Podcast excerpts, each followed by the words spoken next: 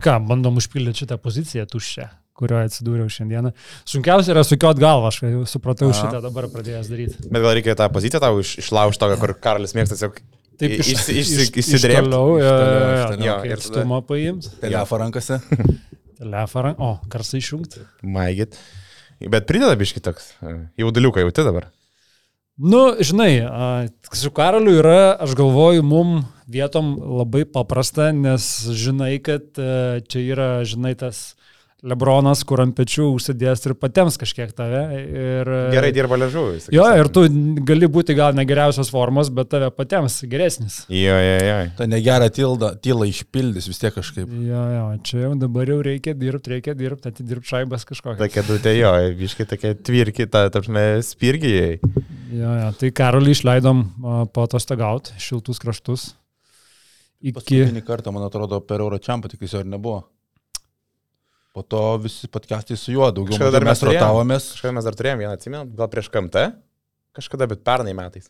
Pernai, mes kalbėjom kažką ir prognozavom dabar apie KMT, Mhm. aš atsimenu. Bet Senoji studija. Šį sezoną, tai sakau, po Euročiampo visi podcastai su Karoliu. Nes mūsų tai vieno, tai kito nebūna, Jo. tai užpildo Lukas. Paties, O paties, paties vedėjo. Čia jis turėjo gerą, gerą seriją, tikrai turėjo. Nu, Tai va, grįž penktadienį, penktadienį turėsim savo gyvą podcastą, antrą gyvą podcastą šiemet, e, šį kartą Kaune.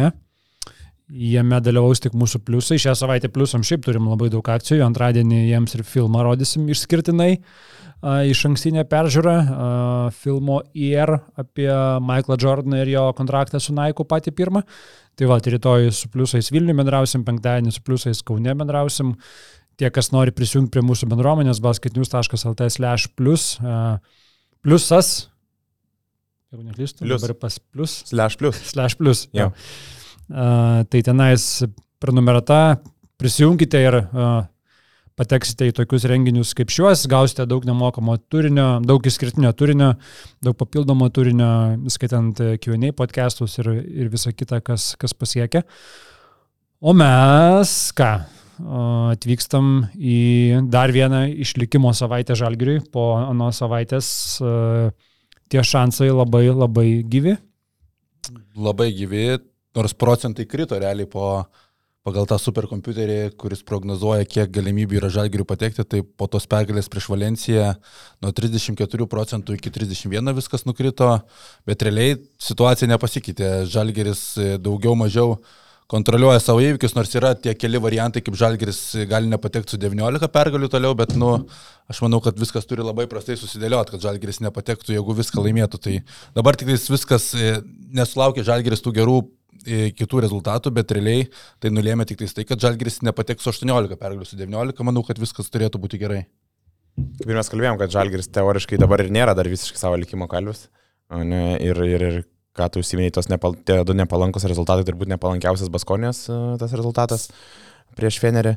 Tai tas pats ir jautėsi po rungtynių, kur Žalgeris laimėjo prieš Valenciją, užtikrintai jau viską savo darbą padarė, bet eini e, koridorium ir kalbės keliais žalgeriečiais, kad, nu, sako, darom savo darbą, bet uh, iš kitų neslaukiam kol kas pagalbos. Tai va tas apmaudžiausia, uh, o tas skaičiavimai tokie girdisi, net irgi prie Rūbinės buvau, tai girdisi, kad ir artimieji komandos e, d- žmonių, ir žmonos, ir draugai, ir kažkokie atvažiavę svečiai aplankyti, skaičiuoja, diskutuoja, kas būtų, jeigu laimėtų Valencija, jeigu pralaimėtų Valencija, da, jeigu laimėtų Baskonė, jeigu pralaimėtų Baskonė, kiek tai palanku, kiek nepalanku.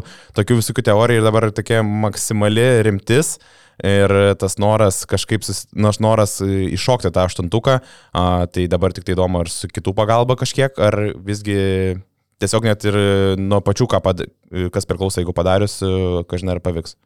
Tai realiai kažkokios pagalbos vis tiek reikia, nes tu, jeigu viskas dėliosi taip, kaip ne pagal žalgerio planą, tai su 19 tu gali neišeiti, bet užtektų Baskonį pralaimėti paskutiniam turė prieš Olimpijakos ir ten visi tie skaičiavimai pasibaigė žalgeris su 19 pergalį tikrai išeina.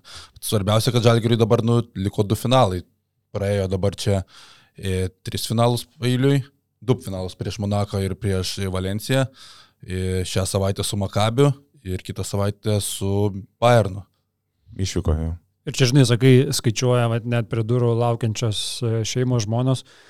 Pas mus basketniuose kovo mėnesį e, Eurolygos turnyrinės lentelės puslapis atsidar, at- buvo adarytas 760 tūkstančių kartų. Tai turbūt e, antras po paties puslapį darimo, ne? Jo, jo. Daugiau kartų tik tai pirmas puslapis buvo ja. darytas, antroje vietoje yra būtent Eurolygos turnyrinė lentelė. 700 tūkstančių. Tiek kartų žmonės atsidarė buvo šitą langą ir, ir tą matom jo rungtynių metu net nesibaigusio žmonės žiūri, skaičiuoja, dėliojasi kažką. Net po kiekvienų rungtynių, net jeigu nežalgia rungtynės baigėsi, kitas kažkokios baigėsi ir jau iškart žmonės žiūri, kaip viskas dėliojasi, kaip, ar tai turėjo poveikį, neturėjo poveikį tai turnyrinė lentelė, ta, ta, ta, ta lentelė lentelė žiūrima labai akilai. Bet tų variantų scenarių dar labai daug. Tomas Vanagas nu, nežmonišką darbą padarė savaitgalį, suskaičiavęs scenarius, kaip Žalgeris patektų į atkrintamasis, ko reikia kitose rungtynėse. Tai 30 scenarijų su Žalgerio patekimu ir man atrodo 9 scenarijai yra, kaip Žalgeris galėtų nepatekti iš kovo į atkrintamasis. Tai sudėti visi tekste 30 scenarijų, kaip Žalgeris patektų į aštuntuką. Tai man ten viską beskaitant susisuko galva, tai greitai aš išjungiu, nes ten jeigu skaičiuosi, kuo giliau gilinsies, po to susisuks ir nieko neatsiminsi, kas gerai, o kas blogai. Jie iš tikrųjų labai painu ir, ir komandos rūbiniai nujaučiasi, teko bendrauti irgi su keliais ir taip pačiais žaidėjais, kad nusako, uh, okei, okay, mes kažkiek pasižiūrime tas rezultatus, žinom, kurie tai yra kertiniai mačai, bet svarbiausia nuo savęs padaryti darbą, kad būtų, nu, dušio įramu, kad mes padarėm, ką galėjom, o kaip gavosi, taip gavosi. Aišku, tada galvojai, kodėl ten, žinai, ten ankstesni grajai buvo tokie, kai kurie paleisti, bet žvalgytis atgal nebėra ko, tai reikia žiūrėti, kas laukia ir e, daryti savo darbą. Jo, bet manau, reikia pereiti vis tiek prie to mačo su Valencija, nekalbėjom.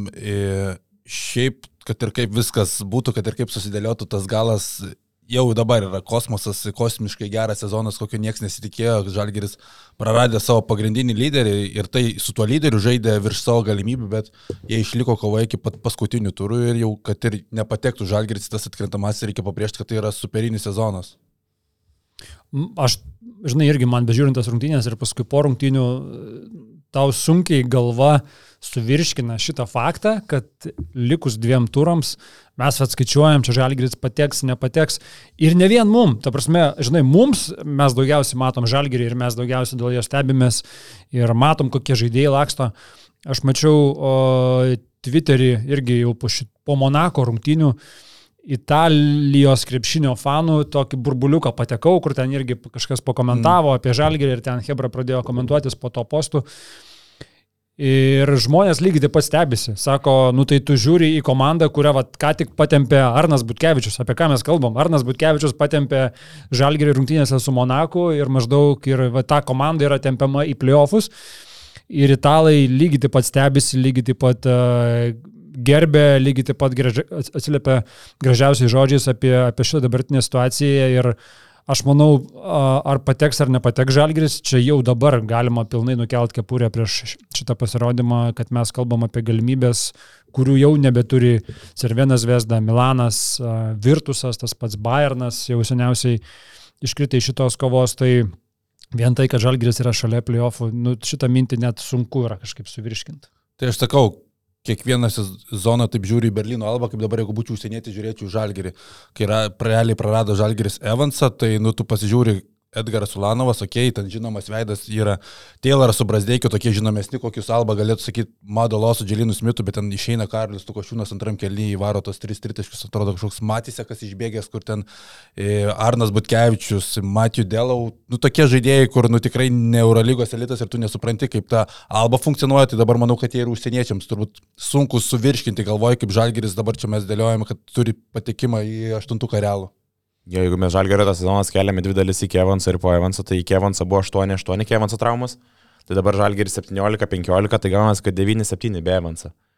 Su tas sudėtims, tom visom negandom ir tai šansai vis dar jų rankose, tai kažkas tokio.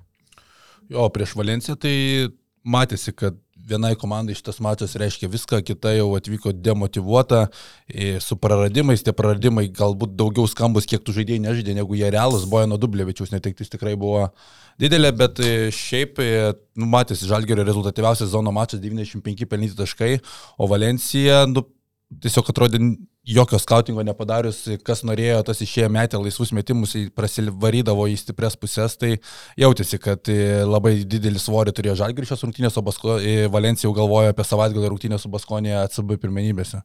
Dar tokia surrealita savaitė gavosi ir aišku, ypatingai mačas su Valencija, kad uh, biručia pristatymas ir aplodismentai biručiai. uh, turbūt be negarsiausi tą mačą, į tą mačą einant.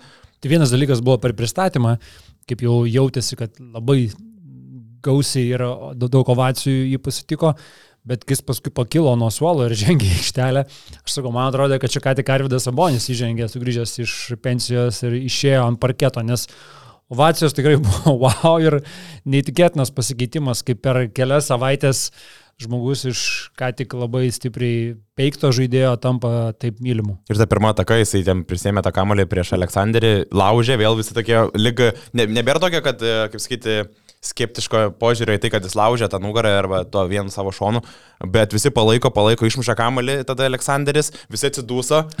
Birutis ant vėl nustumė ir ties rytaškių, liko 7 sekundės iki atakos pabaigos, Birutis vėl pasėmė, apžiūrėjo, nėra kam nusimest. Ir vėl Birutis laužė ir vėl visa arena dūsauja su juo kartu, galo pralaužė ir vėl ovacijas didžiausias e, Biručiui, tai tas toks pokytis e, per tas kelias savaitės už Birutį tikrai ir to pačiu už Karolį Lukošiūną, nu kokiam ovacijam buvo ir, tarkim, jo visi tritaškiai, aišku, Karolio pasitikėjimas, tai šitiem vyram daug davė šitą dvigubą savaitę ir toks palaikymas, aš, nu, nebejoju, kad e, tavo paspirtim. Dar kalbant apie Brutį, tai man neįtikėtina, va tą ataką paminėjai prieš Aleksandrį, tai realiai jisai 10 sekundžių turėjo kamuolį savo rankose, aš nežinau kito Eurolygos centro šį sezoną, kur tiek daug leidžia komandos draugai, kiek akcentuoja treneris to žaidimo nugarai krepšį, nes dažniausiai, jeigu tu per pirmas 2-3 sekundės nepasistumi savo varžovo arčių krepšio, tu tiesiog tiesiog ataką nusimesdamas į perimetrą, o Beručiui aiškiai pasakyta, tu gauni kamuolį ir bandai daužyti tą oponentą, kartais tai atrodo sunkiai, bet svarbu, kad viskas gaunasi efektyviai. Sunkiai, sunkiai, sakau, ir ta arenos e, visos publikos reakcija, kad, nu, būdavo anksčiau, tas, sakai, kelias sekundės nepavyksta, visi, birūti nusimesko, dabar birūti eik, eik iki galo, birūti stumk. Ir bet trūksta, kad Žirauskas darytų. Mm, mm, jo, jeigu dar Žirauskas pasijungtų jo į šitą visą palaikymą jo ir į ataką, tai būtų kažkas tokio. Bet e, jo, sakau, kaip viskas pasikeitė aplink birūtį. Tai... Ir ta, rūbiniai džiaugsmas didžiulis, aišku, kad uh, Mes šiek tiek užsiminėm, kad Ulanovas galbūt šią savaitę tok, netoks yra, ne, ir šitas kovas jam buvo turbūt silpniausias, uh, žiūrint į naudingumo balus uh, Eurolygoje, bet tie tokie kiti žaidėjai, tie du rezerviniai žaidėjai, aišku, Birutis ir Lukošiūnų, paskui ta paties Brasdeikio, mm, labai geras menuo, tai Žalgeris turi tų tokių neišnaudotų rezervo, aišku, ne prieš visas komandas jie turbūt veiktų, bet uh, kai tokia kritinė jau situacija ir tas išlikimo kova yra dėl playoffų, Tai žalgeris, kad ištraukia tokius ginklus, tai čia pagarba Kazimuksvyčiai ir jo sprendimam.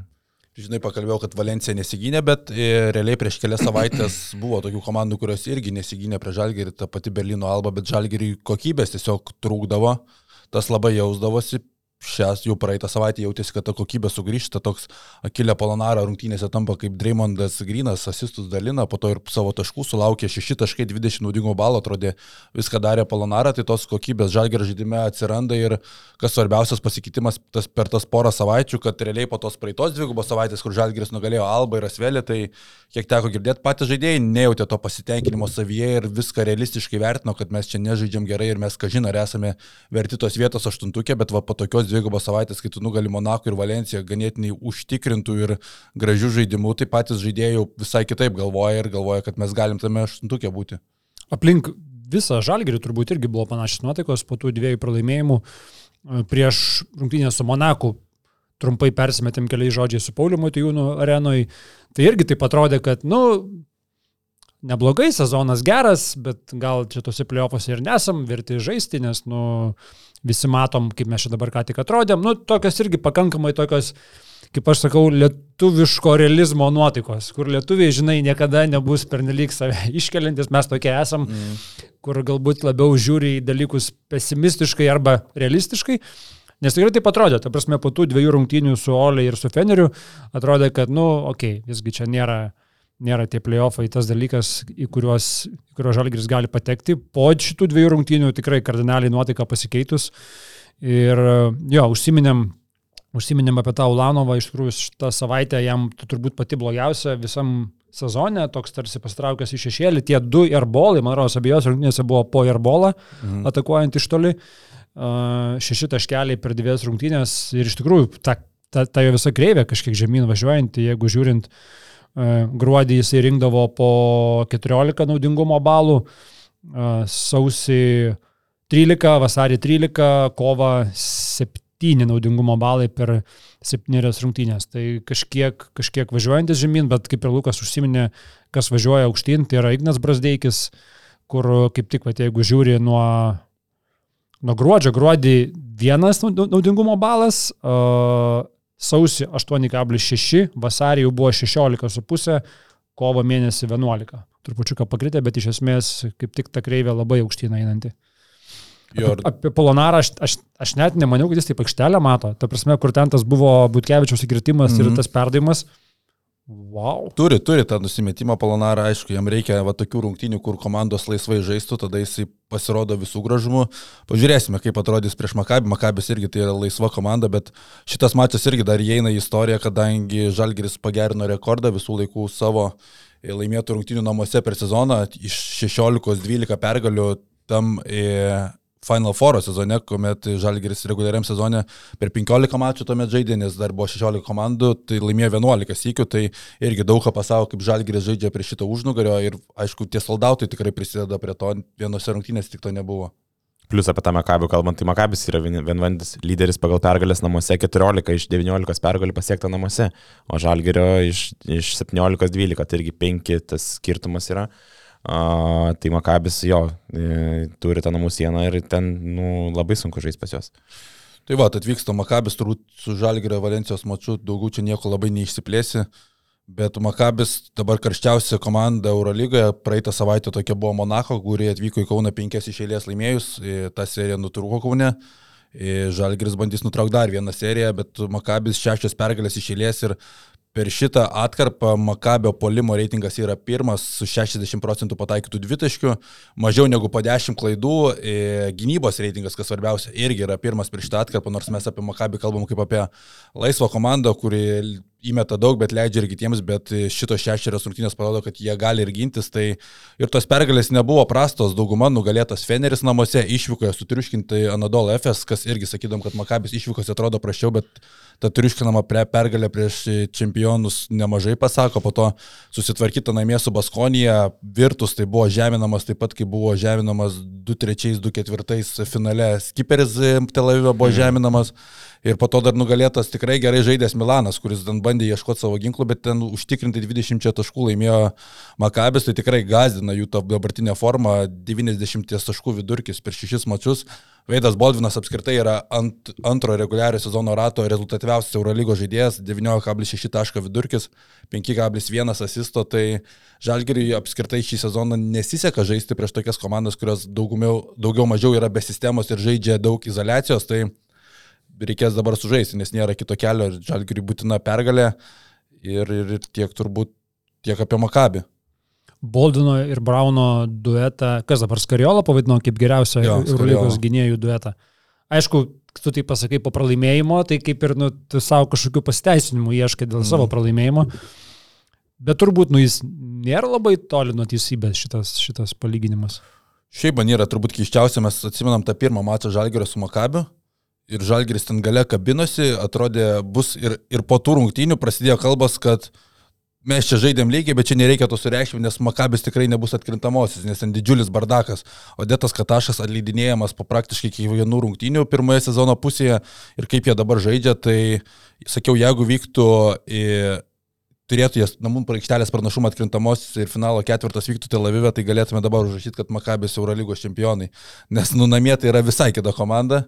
Išvykose pažiūrėsime, kaip Žalgirį pavyks jo sustabdyti, bet tas stabilumas pas juos yra atėjęs ir nulaukia labai įdomios atkrintamosios, kur mes atsimenam ir pernai atėjo Makabis užsikūręs tas atkrintamasias, prasidėjo kalbas, kad va čia gal nugalės Madrido Realą, kuris buvo tada išrėtėjęs, bet labai greitai nuleisti ant žemės buvo Makabis, bet šiemet yra kita situacija, kadangi jie nuo sezono pradžios turi tą patį trenerį ir tas Veido Boldino ir Lorenzo Brando tandemas, tai, nu, primena geriausius Šeino Larkino ir Vasilija Misičiaus laikus, kur buvo visiškas dominavimas atviro aikštelėje.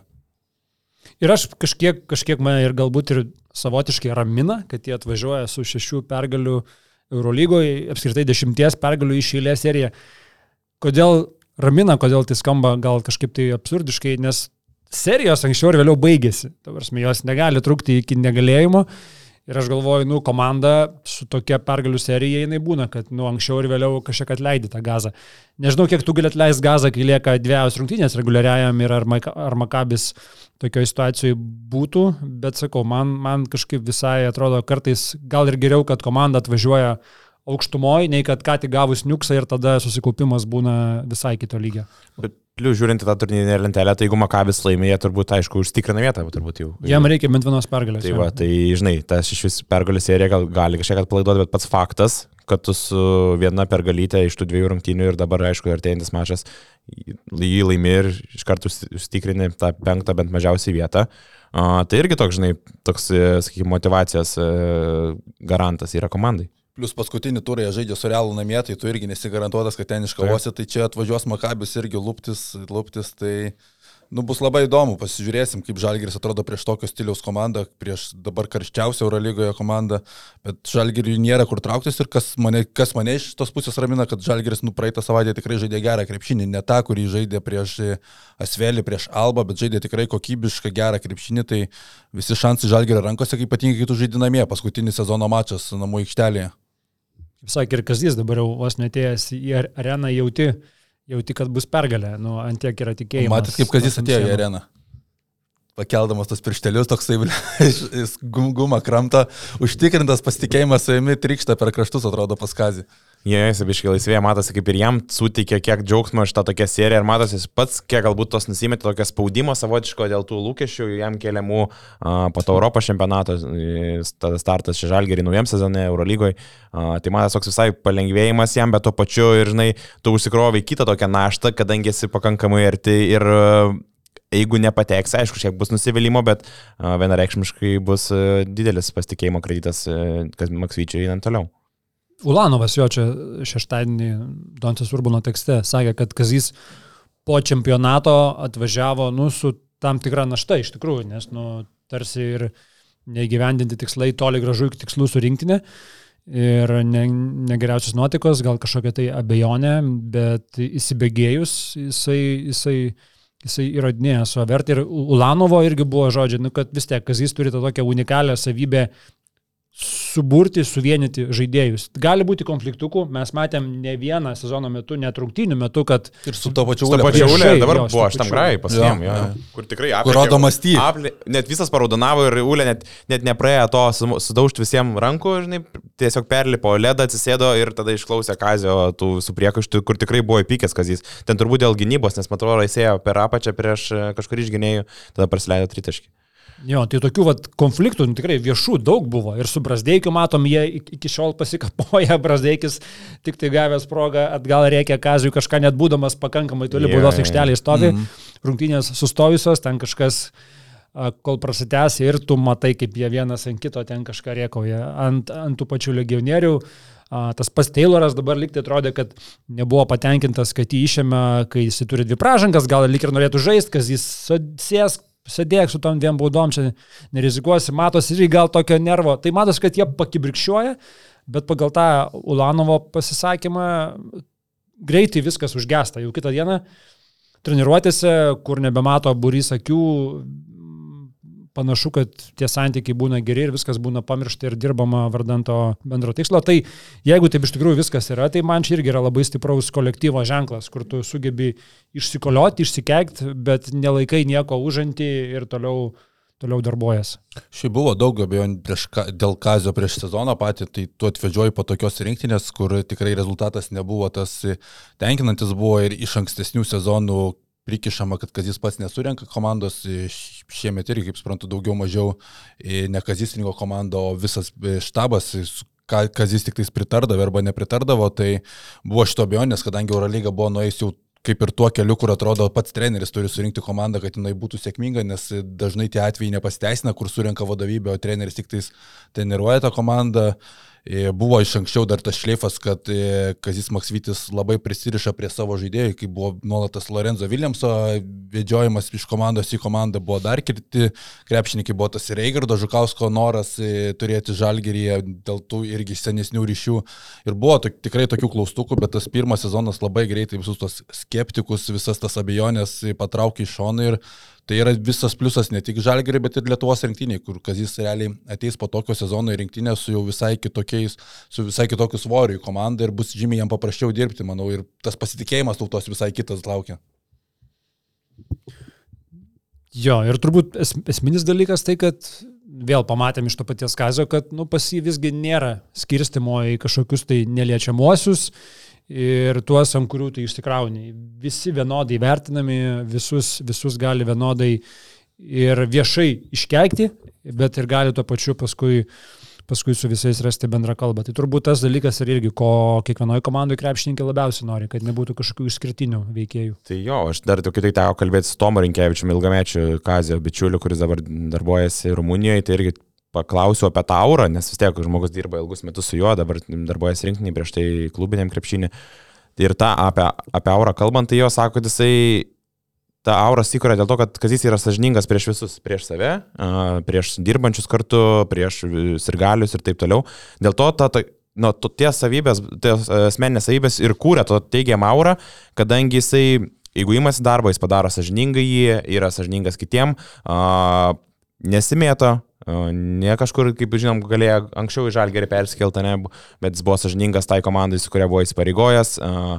Toliau jisai rodo tą tokį dėmesį visiems. Aš nebejoju, kad jis pats irgi prieš tą pačią komandą prisėmė kažkokių savo klaidų, kas turbūt irgi sažiningumo yra tas simbolis toks. Uh, tai visa tai, ką jisai spinduliuoja, sugeba sukurti dar nuo tokio kolektyvą kovingą, kuris kaunasi už jį, nepaisant visų pykčių, tai va tas ir yra tas receptas, kaip Kazys yra sėkmingas kas jis svarbiausia yra ne fejkas, o kitas toksai fejkas atrodo, kad gali artėja prie to, kad nepateks į atkrintamasis, kas atrodė prieš kelias savaitės labai nerealu, nors aš čia buvau trumpai užsiminęs, Karlis greitai nuleido mano šitas mintis, kad Fenerbak čia gali nebūti atkrintamasis ir tas atrodo variantas vis realėja ir realėja po jų pralaimėjimo Vitorijai. Tai tu čia, pala, pala, pala, tai čia fejkas, tai čia Dimitrijos Itudis? Tik vienas ir nepakartojamas Dimitris. Eurolygos čempionas. Eurolygos čempionas su golfu pasipuošęs visada, tvarkingas. kur ateina ir su tokiu tašė netokie, žinai, kai rodžiau kažkada, kur pratų neleina, visiškai įsičiūstęs, e, šalikas, e, lagaminas, kur tu į namų rungtynės eini su lagaminu tikrai, kur tu turi savo rūbinę, viską, žinai, ne, jis ateina su lagaminiukais, viską įsijuokęs yra, aš negaliu. Sots medija sutvarkyta, postai įeina, sergaliam padėka, taip toliau, taip Taip, siunčia visiems ten užuojautas dėl žemės drebėjimų, praeitą sezoną kažkur dingęs buvo, dabar jau jo neveikia. O dabar jau jo. Pernai nesiuntė kažkaip niekam, jau vasarą 24 e, jokių žinučių nebuvo. Tai va, dabar Feneris pralaimėjo antrą kartą išėlės, labai gaila, kad Žalgiriui nepavyko laimėti Stambule, kur ten jau atrodė į galą užsikabint, gali pavykti tada apskritai Feneris situacija būtų sunkiai pataisoma, bet šią savaitę laukia Stambulo derbis, kur Atamanas ten su 9 procentais tikimybė dar kažkur kyšo, reikia laimėti ant Dol FSD bent 9 taškais prieš Fenerbahčę, tai tikrai bus motivuoti.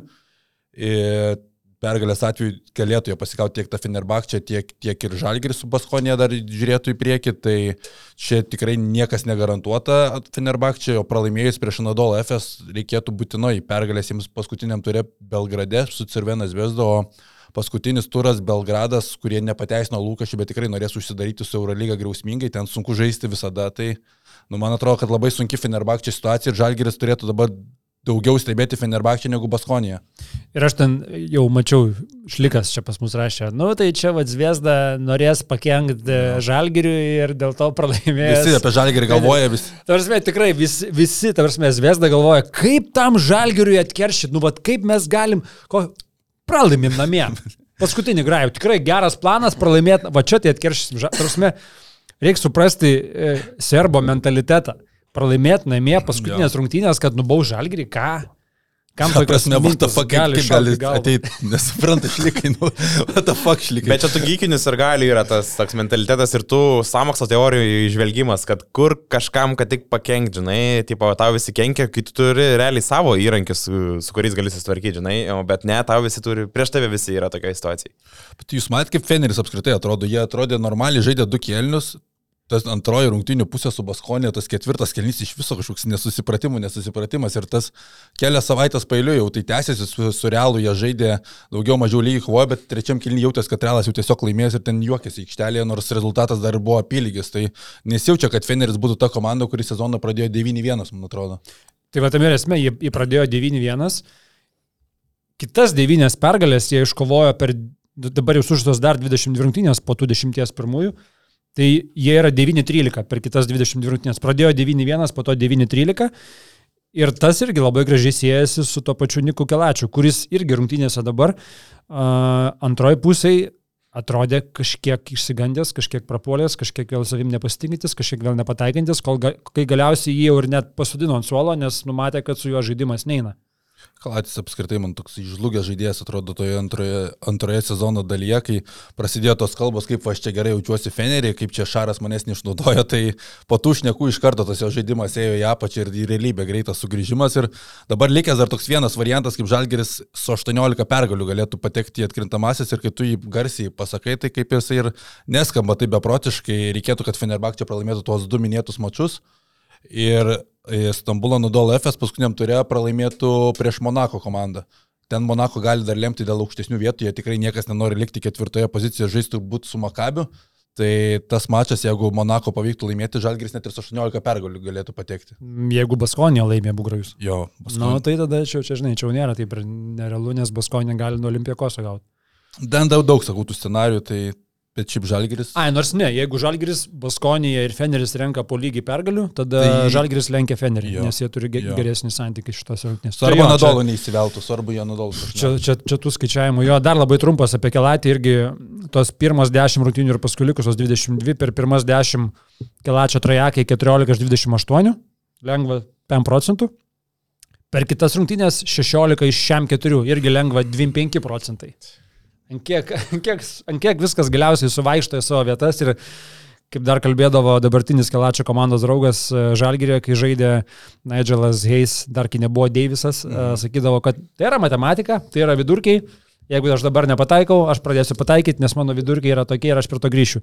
Tai Kelačio atveju yra būtent irgi tai vidurkiai, tai kad tu čia pataikiai, pasirodo, kad ne Šaras kaltas, neįtudis e, Dievas, Tau tiesiog tuo metu buvo gera atkarpa ir galiausiai viskas grįžta į savo vietas. Arba gal kalatis su jautienos geros trūksta. Mhm. Pakviečiam. Gal, gal už kas geriau atrodys. Jeigu, jeigu jisai yra mėsaėdis, aš manau, kad turėtų būti, mhm. tai tikrai, tikrai taip. E, turim savo ilgalaikius partnerius, e, Momo Grill, e, pas kuriuos patys maitinamės. Draugus vedamės, draugus labiau tai kolegas, sakykime. Lekava. Leka, nusivedėm vis dar. Iki dabar kalba dar su įspūdžiais. Iš tikrųjų, žiauriai aukštos kokybės maistas, e, jautiena yra tai, kuom jie didžiuojasi ir giriasi ir nori, kad ir mes juos girtume už tai. Tai bet labai yra smagu girti, kai realiai geri gerą daiktą. Tai ir jautiena, ir ta pati antiena, E, meniu nėra kažkoks tai labai didžiulis, dėl to yra lengva įsirinkti iš, iš to, ką jie turi. Dienos pietus irgi yra tai, dėl ko žmonės juos mėgsta ir myli. Ir... Šiaip labai gerai paaiškina, jeigu ten tu jautienos nesi toks profas ir nežinai, ką tie pavadinimai reiškia ir panašiai, tai tu paklausi ir tau viską paaiškina nuo A iki Z, sužinai daugiau apie mėsą. Jo, ir, ir iš tikrųjų ir aptarnavimas neįlinis, vėlgi, jeigu... Aš nebuvau, dar nebuvau anksčiau. Dar, ne, ne, dar nenusivestas. Tai dar dabar galvoju, tarp tų kolegų aš patenku ar nepatenku. Ar rūkšnė. Tada negražu, negražu. Kažkaip čia Kaip čia taip gavas? Nu, ne, netvaro į Kauną, mes kažkaip vis Kaune. Vis jo, kaune. praeitą savaitę tris kartus Kaune iš penkių dienų. Darbo dienų tris kartus Kaune. Nei kartą apie jokį momo grill, nieko, absoliučiai. O, jo, jo, jo, blogai. Ištaisysim kažkaip. Kažkaip reikės, jo. Tai va, ir jo, ir tikiuosi, kad jis tikinsi, koks yra geras aptarnavimas. Tai aš tik dabar girdžiu tik geras kalbas ir mano lūkesčiai dėliojasi, dėliojasi, kad ten turi būti labai gerai.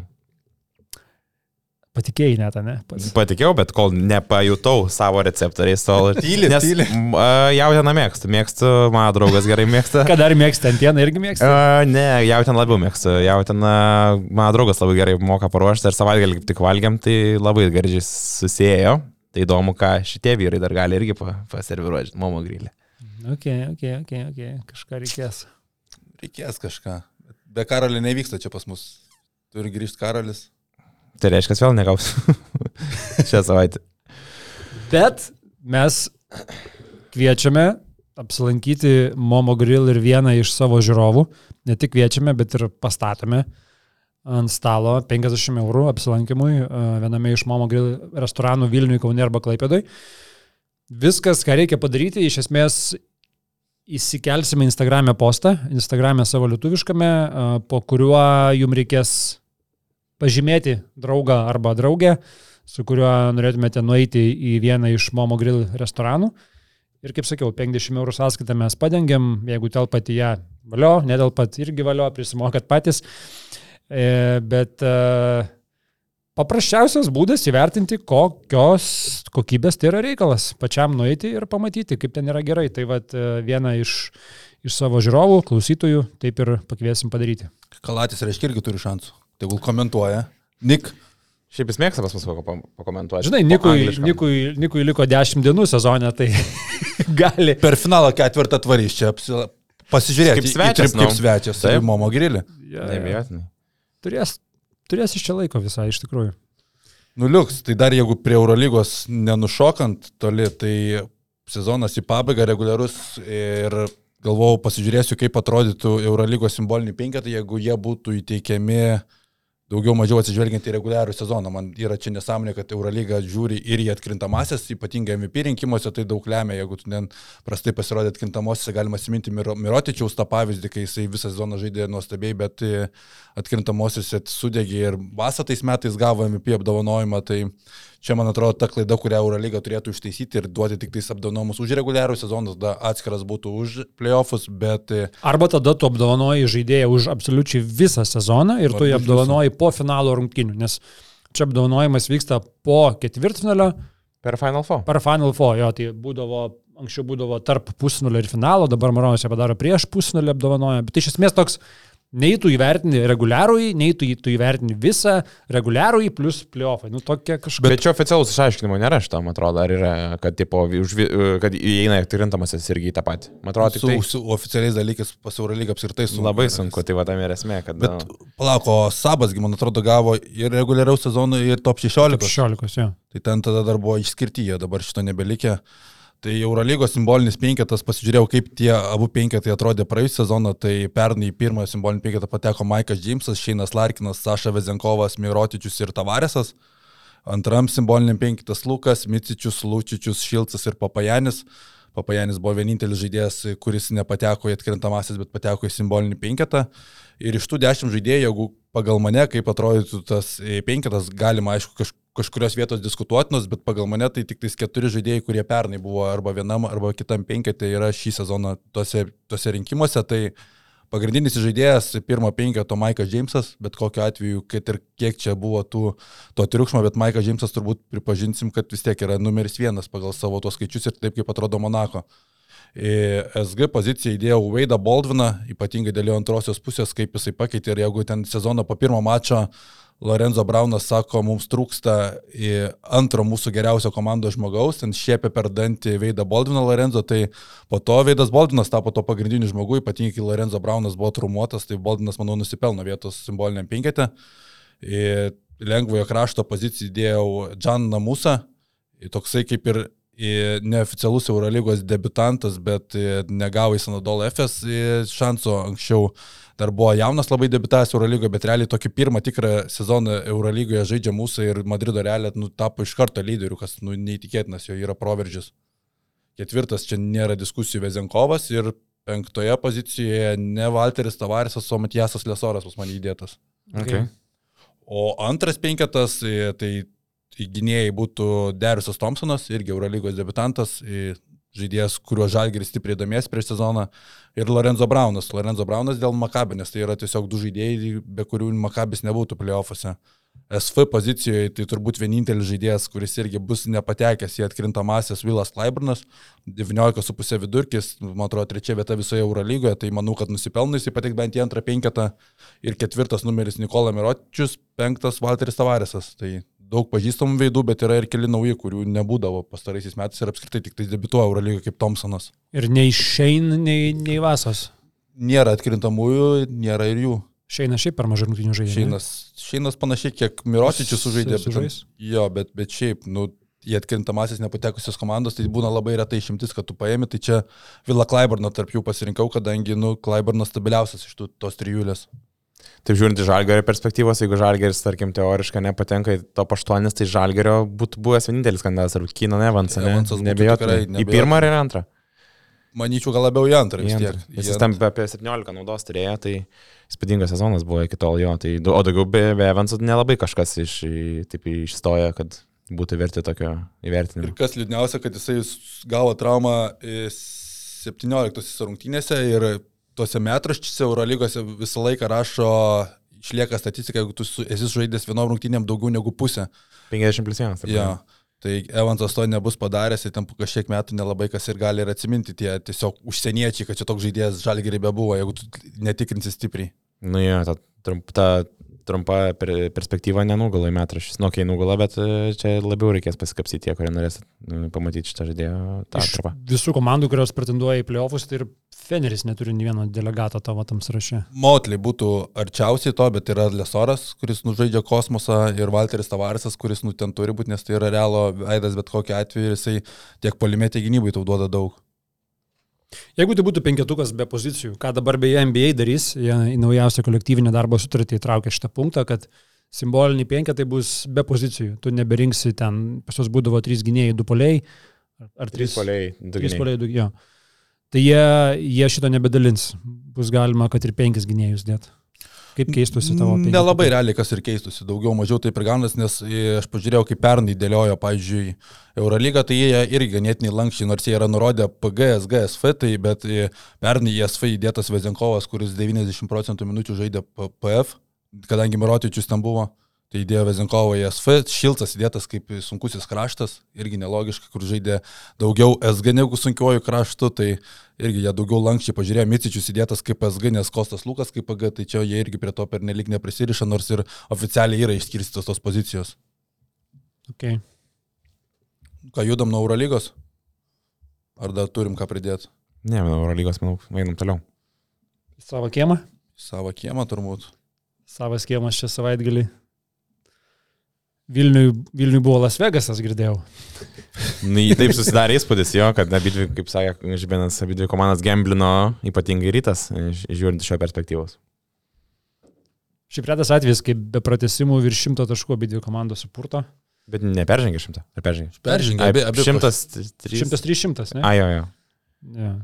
Ne, Nes atrodo, kad čia su pratesimu, bet rytas dabar tokią bangą pagavęs, kad tiesiog vienoje aikštelės pusėje nepersistengia, o kitoje daro, daro stebuklus.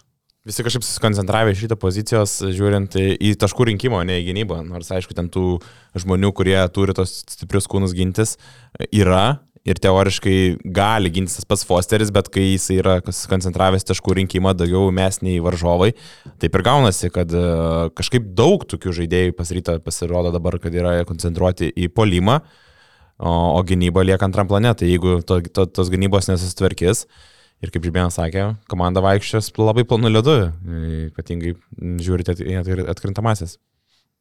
204 taškai dabar žiūriu per abi komandas, 103, 101 ir tas tritaškų pataikymas nebuvo įspūdingas, kad tu sakytum, kad čia tritaškų lietus buvo rytas 8 iš 22, e, Utena 10 iš e, 23 ir didži, didesnį laiko dalį Utena ten pirmoje rungtynių pusėje kontroliavo, po pertraukos tas žaidimas iš viso ten uraganis ir pasileido, rungtynių pabaiga Martino Gecevičiaus, ta klaida tokia apmaudi buvo, bet, nu, parodė šitas Uteno, šitą šitos Utenos rungtynės, kad nu, jie gali žaisti ir be Hamiltono, kai atrodė, kad Hamiltoną išėmus komanda tampa tokiu taikiniu tom didžiojo ketvirto komandom susitikti atkrintamosiose, bet nu, polimas čia yra sustiguotas. Didysis klausimas yra dėl gynybos Donaldo Kairio komandose ir tos gynybos, nu, kol kas nėra, jos nebuvo anksčiau, nėra ir dabar.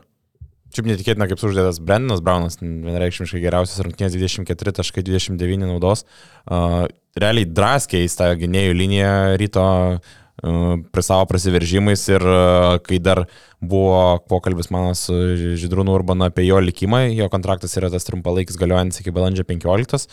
Uh, ir Židrūnas buvo paminėjęs, kad uh, tai, ką jis gali duoti komandoje, nelabai tinka komandos ambicijų, o komandos ambicijos yra tos būti ketvirtukė. Tai toks pasirodymas, nežinau, ar kažką labai keičia. Ir aišku, tas jis buvo vienas didžiausių šviesulių Vilniui, bet e, dar Juventus yra tarptų komandų, kurios dar ieško pastiprinimo. Yra tas terminas iki balandžio 22 dar galima pasistiprinti. Tai Juventus vis dar ieško gynėjo ir greičiausiai, kad tai bus į Brandino Brauno vietą, nepaisant to, kad jis čia sužaidė tikrai kosminį grąjį iš jo pusės. Okay. Šiaip jau Ehodas dominuoja LKL Ir tas čempionų lygos sezonas toksai 13,5 vidutiniškas, prieš Uteną 34 naudingumo balai, siekia jisai LKL MVP titulo, man atrodo, antras dabar yra pagal naudingumo balus renkamus po Gareto, jeigu niekas nepasikeitė po savaitgalio. Bet šiaip, nu, kalba jo visą pusę, kad, nu, tai yra stipriai pasikėlė, pasikėlęs kainos žaidėjas ir vasarą rytas labai norės jį išsaugot, bet jau tinklus metai ir vilkai, kurie galvoja apie lietuvį vidurio polėjo pozicijoje Ehodas turėtų sulaukti vėl ir iš užsienio dėmesio, tai labai įdomu bus vasarą laukia, kur Ehodas nutūps ir čia apskritai tie keli ryto lietuviai kaip Normantas, e, tokie žaidėjai Radzeičiaus sutartis pasibaigė, tai, tai yra žaidėjai, kuriems, kuriuos ryto reikėtų išlaikyti, tai yra veidai ir lietuviai, kurių nesimėtų tokio lygio daug, bet nebus lengva, jeigu e, Normantas su Ehodu tikrai pasikėlė kainą, tai Radzeičius jau šį sezoną gavo ganėtinai nemažus pinigus ir klausimas, kokie jo dabar yra vertė rinkoje. Tai Hodazaro tai, ką Žibėnas ir pranašavo sezono pradžioj, sakė, kad LKL dominuos. Tik tai aišku, to gynyba norėtųsi tai priekinė linija kur kas solidesnės iš ryto pusės. Pasikvietė ir Lietkabelis dar į gynėją, dabar tu užsimedė apie tuos visus papildomus ieškomus, tai Lietkabelis laukia, laukia, kol galiausiai prisikvietė. Jisai, kaip ir suprantu, nieks neišvyks iš Lietkabelio Peno lieka komandoje, kadangi tai pasibaigęs langas į Europos taurę registruoti, dėl ko man yra šiek tiek apmaudu, kad Lietkabelis taip ilgai dėlsė, kur atrodė, kad pagrindinė pozicija, kurią tu sustiprini ir tu turi nemažai šansų tos Europos taurėje patriukšmauti, dabar su Peno reikia kentėti visą tą sezoną. Nu, ir bus labai įdomu, bet visos komandos jaučiasi, kad e, šiemet visai kita konkurencija, galas yra registracijos iki balandžio 22, ne man atrodo iki balandžio 22, kada tu gali registruoti žaidėjus, tai visos komandos... Teoriškai net iš NBA gali pasimti kažką. No. NBA tai teoriškai reguliariai. Man tai vakar, kosmos, vakar Deividas ir Vidis buvo, jo navoje sėdėjo, žinai, tribūnose, kai Sebe žaidė su Vilkais ir galvoja, žinai, ar Virgis neužkabintus tokius ir Vidžio, žinai, per tėvuką, nu, prikalbinti, tiesiog sužaistos pusantro mėnesio dažnai, o jeigu, ta prasme, mes dar užtrauksim su šitą komandą, žinai, kažką daugiau. Rimta būtų. Gali. Labai būtų rimta ir toks man galvoju scenarijus hipotetinis įsidėliojo, kas būtų ir kokias galimybės, žinai, tada būtų pačia, pačios stebėt komandos. Jo, tai apie Servidį užsiminėte irgi, Servidis atrodo jau yra nusiteikęs kitą sezoną grįžti į Europą, tai būtų, būtų geras startas jo navoj, bet e, kaip suprantu, tai nu, rimti, rimti klubai Europoje domisi Servidžiu ir nenustepčiau, jeigu Eurolygai pamatytume jį. Dėl Pavyzdžiui, o kodėl nepasibaigus sezono Jonavoje? Aš dar, dar. Nu. galvoju, man dėlioju. Ar čia kažkoks nelygis, ar čia nelygis, nu, bet kažkaip tai nusimuši savo markę? Jeigu tu nedeliverinsi, jeigu prastai pasirodys. Bet tą baimę tada visur tu, tu gali. Tai. Jo, jo, ar tu jau tiek esi blogas, kad gali nedeliverinti LKL su Jonavos komanda? Ne, gal tu esi dabar labai gerai dėrybiniai pozicijai po G lygos, kur pernelyg vis tiek kitoks krepšinis yra žaidžiamas ir tu matai, kad tu, tu vis tiek gauni gerą kontaktą su tais Europos klubais kad nu, tu jiems iki tos vasaros ir nesirodai. Bet tai čia vėl toks, žinai, labai būtų trumpalaikis matymas. Tai jeigu tu žinai, kad tu esi geras, kad ir dabar čia trumpuoju laikotarpiu nusimuši, tu ilgainiui vis tiek būsi geras.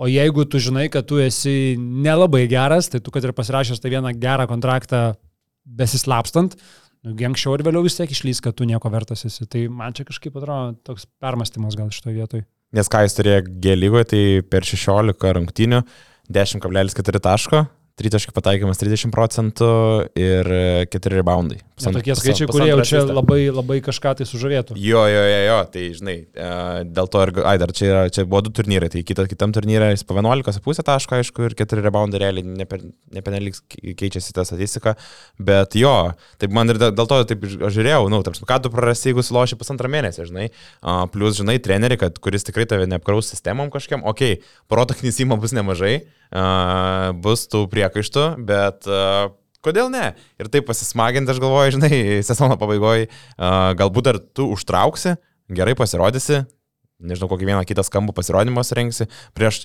realiai atkrintamos bus tikrai geros komandos, prieš kurias tu žaisi.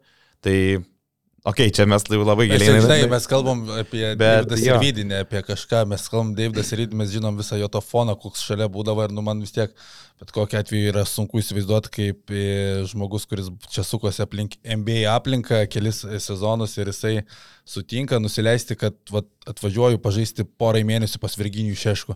Tiesiog, man atrodo, iš žmogaus men mentaliteto net, net nenueina iki tiek mintis, kad va čia aš sužaisiu Jonavoje. Panašiai kaip kalbėjom per kažkurį podcastą, kad kablį mes yra nelygis. Ne? Jo, taip pat lygiai taip pat nelygis yra ateiti po Amerikos gelygos pas Jonavą žaisti Jonavą. Kur ten su žiūronais amerikiečiai žiūri, kur čia ta Jonava. Labiau reikėtų žiūrėti iš tos perspektyvos, ką tu galėtum išsinešti, o ne tai, kad lygis ar nelygis. Aš manau tai, kad nu, mes ir kalbėjom, kad o, apie Virgį. O, kad jeigu, o jeigu perspektyva yra išeiti į finalą su Jonava, O jeigu, nu taip. tai vien rankų nešios. Nu. Jo, jo, jo. Dar kalbant apie Virgį, Virgis vakar spaudos konferenciją išstojęs tokia istorija, kad kaip jisai, sakykime, uh, Kazį Maksvyčiai išsaugojo vietą Neptūne, nežinau, negirdėt spaudos konferencijas. Girdėjau jo. Kažkas buvo, kai jie turėjo pralaimėti, Ne, nuvažiavę į Klaipėdą. 2014 metais, kai Kazys pralaimėjo KMT, Mm. A, tada, kaip supratau, pasak a, Šeškaus, jį kvietėsi Neptūną Šeškų. Kad leido iš ryto tą patį sezoną. Jo, atleidinėję, tada jie norėjo atleisti Maksvytę, o Šeškus buvo be darbo. Ir tada jie kvietėsi e, Virgį pas save, Neptūnas. Ir Virgis įkalbino Neptūno vadovus, kad jie pasiliktų Kazį.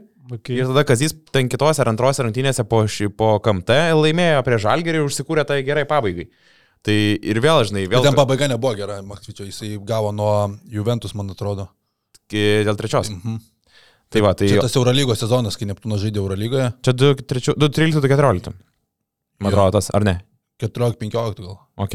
Tai, tai, va, tai žodžiu, vėl pasako apie Kazį, kur net kolegos nori išsaugoti jam, žinai, postą, ta prasme, perkalbėt, kad e, vadovas perkalbėjo nuo, nuo to, kad tave pasikviestų, iki to, kad, žinai, išsaugo tą... Aš trenerį. gal, gal, ir, gal ir apie Virgį pasako šitą. Dėl ko? Nu, kad šiuo atveju, ta prasme, ne tik tai pasako apie Kazį, žinai, kad jis Nu jo, noras turintis gerus santykius, bet ir to pačiu ir apie Virgį, žinai, nes kitas tokio vietoje gal sakys, jo, davai, įmuš tą poziciją, kodėl. Ypatingai laisvas, ką tik atleista, žinai. žinai. Tai jo, jo, tai šitą istoriją buvo negirdėta, tai lai, gerai pasirodė iš Virgio pusės ir, ir, ir, ir, ir, ir pasako apie Kazį, kaip kolegos vertinai. Ir jo buvo argumentas, kodėl neinu, sako, nu nebūkit kaip Lietuvos rytas. Jo, jis Lietuvos ryto istoriją jis visur pabrėžė, išskiria, kad, nu, nebūkit Lietuvos rytas, kuris nuiminėja tus trenerius. Taip. Bet šiaip Lietgabelio šitas įėjimas, pasirašymas, aš to žaidėjo neapsimesiu, kad iš jį žinojau, aš tikrai jo nežinojau. Bet, e, nu, tai, tai, tai yra irgi žingsnis, kuris rodo, kad, nu, ta kova dėl antros vietos finale, jinai tikrai bus gera. Jo, ir čia tas ėjimas grinai LKL grįstas ir Martinas Purlys interviu Tomui Vanogui, kuris čia turėtų pasirodyti artimiausių metų, sakė, kad nu, mūsų tas dalyvavimas Europos taurėje yra nežinomybė dėl kito sezono, kadangi viskas yra žiūrima į rezultatus vietinėme fronte. Tai faktas, kad Lietkablis turi pasirodyti kuo geriau, kad gautų vėl tą vietą į Eurocapą. Tu turi pasirodyti geriau po Žalgerio ryto. Turbūt taip, nes Žalgeris turi garantuotą, rytas turi. Geriausiai po jų šitų po dviejų. šitų dviejų komandų, jo, jo, jo. Kadangi Vulfs dabar taikosi į Europos Dabar Wolves, taurę, jo, tai jo, jo. Lietkabelis jaučia, kad... Nu, reikia- ko, ką to įmonė nori pridėti, kiek teko pasiklausinėti, tai jie nori pridėti, kad būtų, aišku, šitas e, Duffy yra kitoks nei Kulame, kuris Kulame labiau yra į atakavimą, toks e, iš pradžių įmetimą, o paskui perdavimą mm, orientuotas. Tai tas Jordanas Duffy yra toks pirmiau papasuoti ir paskui tik tai rinkti taškus. Ir aišku, tritaškų taiklumas, kiek mažiau ten Serbijos lygoje buvo apie 41 procentą, tai šitas dar prisideda. Ko trūko iš Peno, aišku, kuris ten minusinius pasirodymus vieną po kitą rinko tiek Europos taurė, tiek LKL. Jo, aš irgi neapsimesiu, kad žinau čia šitą žaidėją ir kad čia viskas man aišku, bet kas mane ramina iš Lietkabelio pusės ir labai paaiškina daug dalykų, tai kad jis yra iš Serbijos lygos, tai automatiškai amerikietis, kur atvyksta iš tos lygos, kur Nendas Čanakui viskas aišku, kuris gali bet ko paklausti ir tikrai Nendas Čanakas dažniausiai pataiko su žaidėju, tai tokia sezono stadija kviesti žinomos aplinkos krepšininkai yra žymiai paprasčiau negu kviestis krepšininką, kuris praleido G lygoje metus. Ja, čia vien, vien surinkti, žinai, apie jį, ap, kaip apie žmogų informaciją yra žymiai paprasčiau, nes ten tikrai tu turi pažįstamų ar bičiulių ar panašiai, kurie apie tą žaidėją viską papasakos. Nes mačiau, kaž- kažkas rašė, kad Lietkabelį yra jo žaidėjus rautas iš Serbijos. Nikola Popovičius buvo vidury sezono, aišku, jis perskelė iš Belgijos, bet, e, bet irgi serbas, e, apie kurį turbūt informacijos turėjo nuo A iki Z. Ir dabar e, Jordan Duffy. Tai apskritai, Čanakas kviečiasi iš iš serbiškos aplinkos žaidėjus, bet jis ir išsiunčia ir pradeda prasimušti lietuviams. Pavyzdžiui, kaip Paulius Valinsko istorija, nu, tai sakė, Atgalinių. Nedas Čanakas didžiąją dalį padarė, kad tai atsidūrė FMP Valinskas, nes labai daug gerų gavo atsiliepimų iš Čanako, būtent jo ir klausinėjo apie tos lietuvius žaidėjus, tai Čanakas padarė didelį indėlį, kad Valinskas atsidurtų FMP. Kliušianakas dabar dar gavo į rinktinę, kiek matėm, e, treniruoja Serbijos jaunimo, tai jau 20 rinktinė. Tai naujas irgi posaks karjeroje to pačiu. Kas dar savam kiemė debitavo Kemzūrą, debitavo pergalę Jonavoje. Ta pergalė tokia buvo daugiau iš pirmos pusės bardakėlės, antroje pusėje vil, vilkai solidžiau atrodo. Dabar jie yra užtikrintai trečia vieta, 17 pergalė 8 pralaimėjimai, paslėtka 15-9, tai dar nėra užsitikrinę, bet jau žingsniuoja link tos trečios vietos, bet kas girdisi iš vilkų aplinkos, kad jie nu, nesijaučia tokie ramus, kad jeigu užims trečią vietą, kad viskas čia bus labai gerai, kadangi dėl pirmos vietos vyksta dar kova, Žalgeris turi viena per, vienu pralaimėjimu mažiau negu rytas, jie dar tarpusavyje žais, bet e, ne faktas, kad Žalgiris išlaikys tą pirmą vietą, kadangi jeigu patenka į atkrintamasis Žalgiris, tai labai daug vienoje vietoje rungtynių susimėtis ir Žalgiris gali tikrai pralaimėti vietinėme fronte. Tokiu atveju, jeigu Žalgiris nukrenta į antrą vietą, Vilkai užima trečią vietą, tada pusfinalėje šitos komandos susitinka, tai labai daug dar nežinomybės šioje vietoje. Jo, jo, ir matęs vakar tos rungtynės toks palaisvėjimas, Ahmedas Keiveris sužaidė turbūt geriausią sezono rungtynės, ar vienas geriausių, uh, 29 naudos, 24 taškai. Uh, tas pati pradžia, ten 2 tritaškai buvo jo, jis ten toks susivedęs, matas toks, nežinau, ar iš jo pusės toks palengvėjimas, ar kažkoks toks susikūrimas, bet jautėsi tokie kažkokie nauji vėjai ir kad ta komanda tokia, nežinau, įnešė, vis tiek tos permanos nėra ką kalbėti. Taip pat trenerio pakeitimo dažniausiai būna ta pradžia tokia kitokia, visi nori įrodyti, visi kovoja dėl savo minučių, pažiūrėsim ilgą distanciją, kiek čia tai suveiks.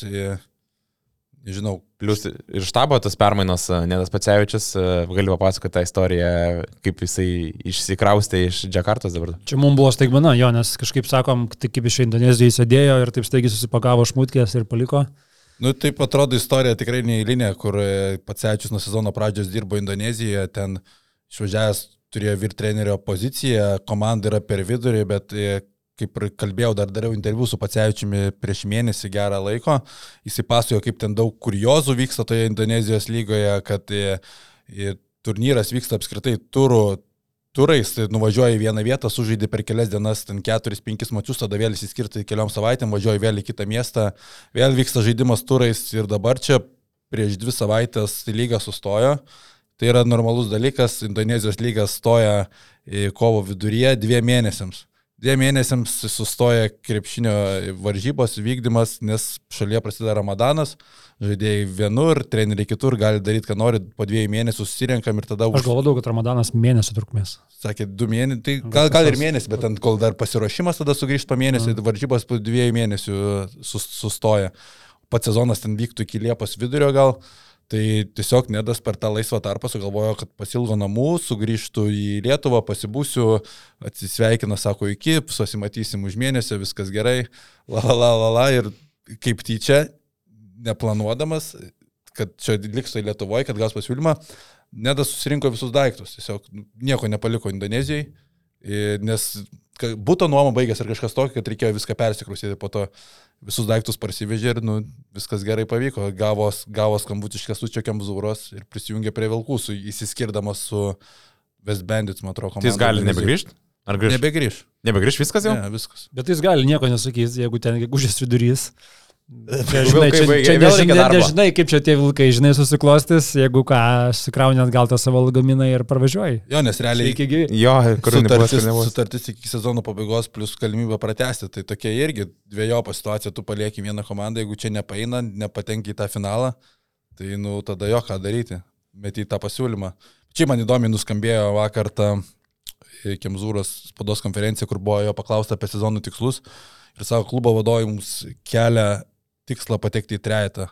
Tai ar čia tikslas su mm. antru didžiausiu biudžetu, visą susikomplektavo sudėti kaip antrai geriausiai komandai ir tikslas į trečią vietą paimti. Tai ir pakeitus trenerių. Pakeitus trenerių, tai koks čia tikslas? Tai treneris irgi, nu, tarsi, su Kurtnaičiu jie buvo trečioje vietoje. Niekas, nu, nieks kaip ir teoriškai. Tai, tada, jeigu vadovai kelia tau tikslą, tai su Kurtnaičiu negalėjo trečios vietos paimti. Nu, čia įdomu, jo, jo, čia toks keistas labai, šio, nu, keistai, keistai nuskambėjo šitas. Tai čia nuskamba taip, kad, nu, feilo nebus, jeigu nepateks į finalą ir vadovai, tipo, viskas gerai, tikslai įvykdyti, Kemzūrą trečią vietą paėmiau, viskas liuks. Gal tik viešumoje, bet turbūt viduje, gal vis tiek, nu, vis tiek ambicija ir Žemelis kalbėjo, kad gal, jeigu bus galimybė žalgariui kasti, mes mėginsim, norim to finalo, o čia viešumoje turbūt gal našta nuimti nuo Kemzūros galbūt, kad mes trečioje vietoje, bet aišku, tai ištransliuoja pats Kemzūro, ne komandos vadovas. Jo, tai nežinau, žiūrėsim, kaip ten bus, bet nu, man jokingai skamba tokie tikslai. Šiaip tai finalas Lietuvai vis dar skamba surrealistiškiau nei šitas Žalgrės Eurolygos playoffuose.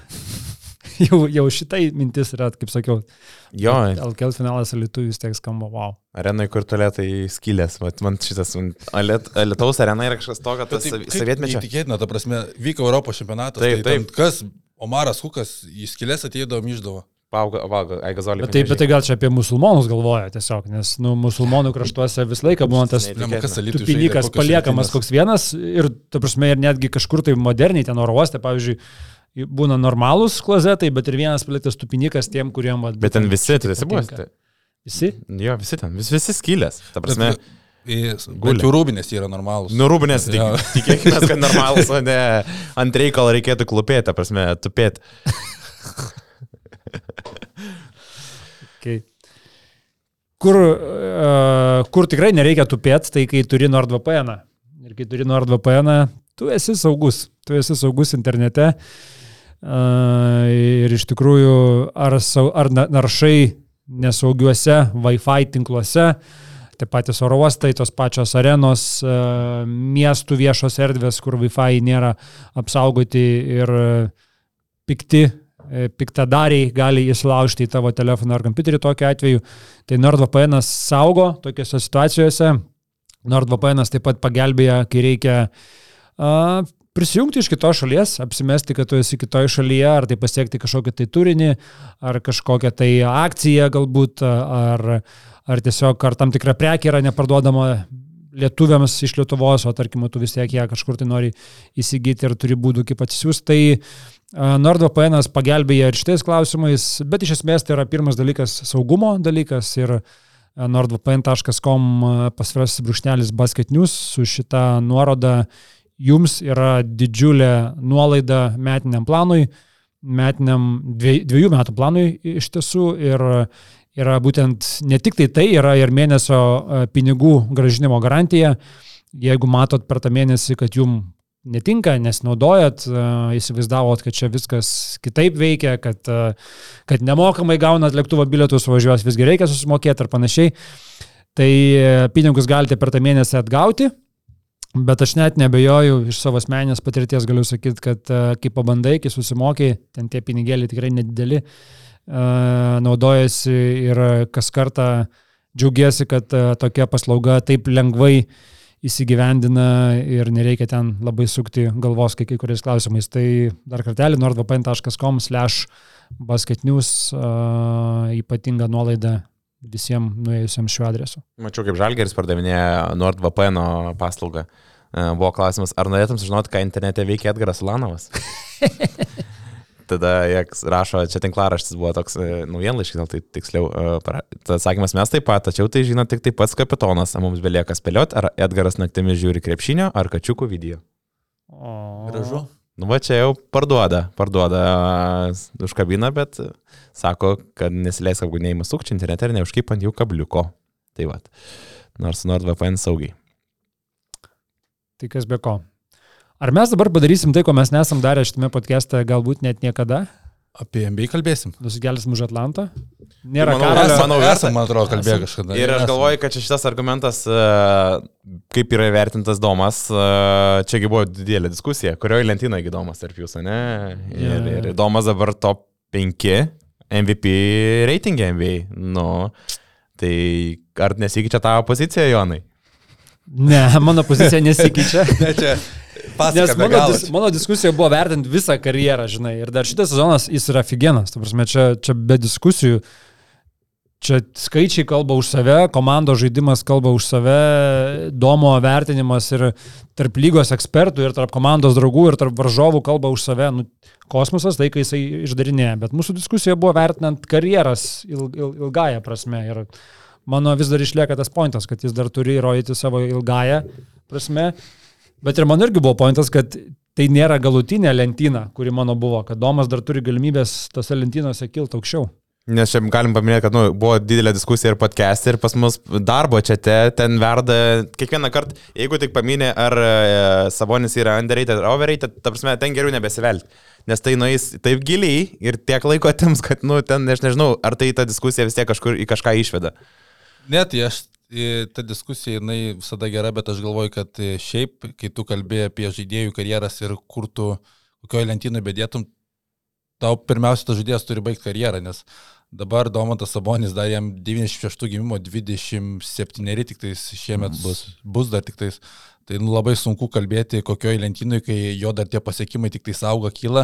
Jeigu jis šiai, šiai dienai baigtų karjerą, tada tu gali kalbėti, jeigu jau nebežaistų, žinotum, kad Sabonis nebežais, tada galėtum dėlioti į tas lentynas, bet dabar prasmės nėra, nes nu, mes matome, kaip, kaip dar ta karjera vystosi ir dar tik tai nekyla į viršų. Jo, šiaip teko nu, apie Domą pakalbėti su Tautidu Saboniu. Uh, tai didžiulis džiaugsmas uh, Sabų šeiminoje, sako, nu, jie, jiem didelė surpriza nėra, tai ką įrodinėja Sabas Domantas, tai Sako, reikėjo tiesiog organizacijos, reikėjo tokio trenerio, kuris leistų, išlaisvintų Domantą, pasitikėtų.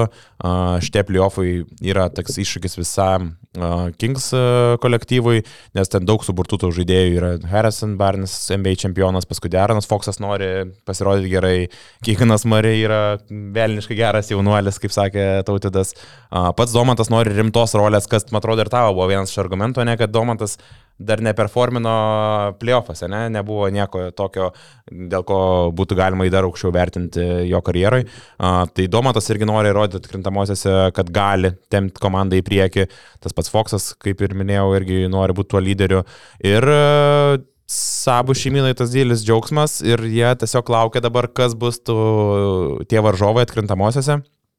Ir uh, labai džiugiai žiūri į tai, vien koks feedbackas eina apie Domantą iš komandos draugų, kalbant ne apie jo kažkokius, nežinau, apie naudą aikšteliai, tai, kad jisai pelno daug taškų ar atkovoja daug kamalių, bet kaip jis padaro geresniais, su tautu daug bekalbant, jisai, ten, jisai yra žiauri, matas įsigilinęs į domantą situaciją, jisai aktyviai palaiko ir socialinį mediją. Ir... Aš norėčiau, kad tą pokalbį, kur tu vat, buvai paleidęs, kad jį, žinai, būtų galima paviešinti, kad suprasti entuzijazmo. Kokia, kokia emocija buvo? Jo? Entuzijazmo lygiai emocija, jo, su kokia emocija tautvidas kalba apie savo brolį. Ta taip, prasme, taip.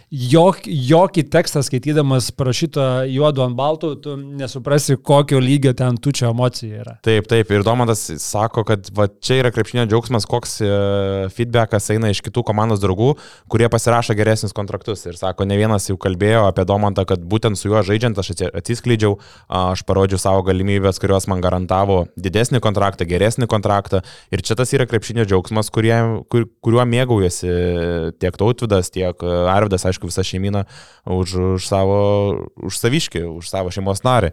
Tai, va, tai labai geras pokalbis buvo, įdomu buvo pasikalbėti su tautinu, nes, sakau, labai toks gerą, gerą emociją spinduliuojantis žmogus, ypatingai kalbant apie brolį. Aišku, sako tik tai gaila, kad nepavyks nu, nu, nuvykti į sakramentą ir pamatyti tos atmosferos, kas sako, ką girdėjau iš tėčio, kad nus ir gali ten pasikūrė šį sezoną ypatingai, nes galim prisiminti, kad 16 metų nežaidė Kingsai atkrintamosiose, dabar ta sausra ilgiausia uh, JAV didžiosios sporto lygose yra nutraukta. Uh, ir e, Sakramentas tikrai oš.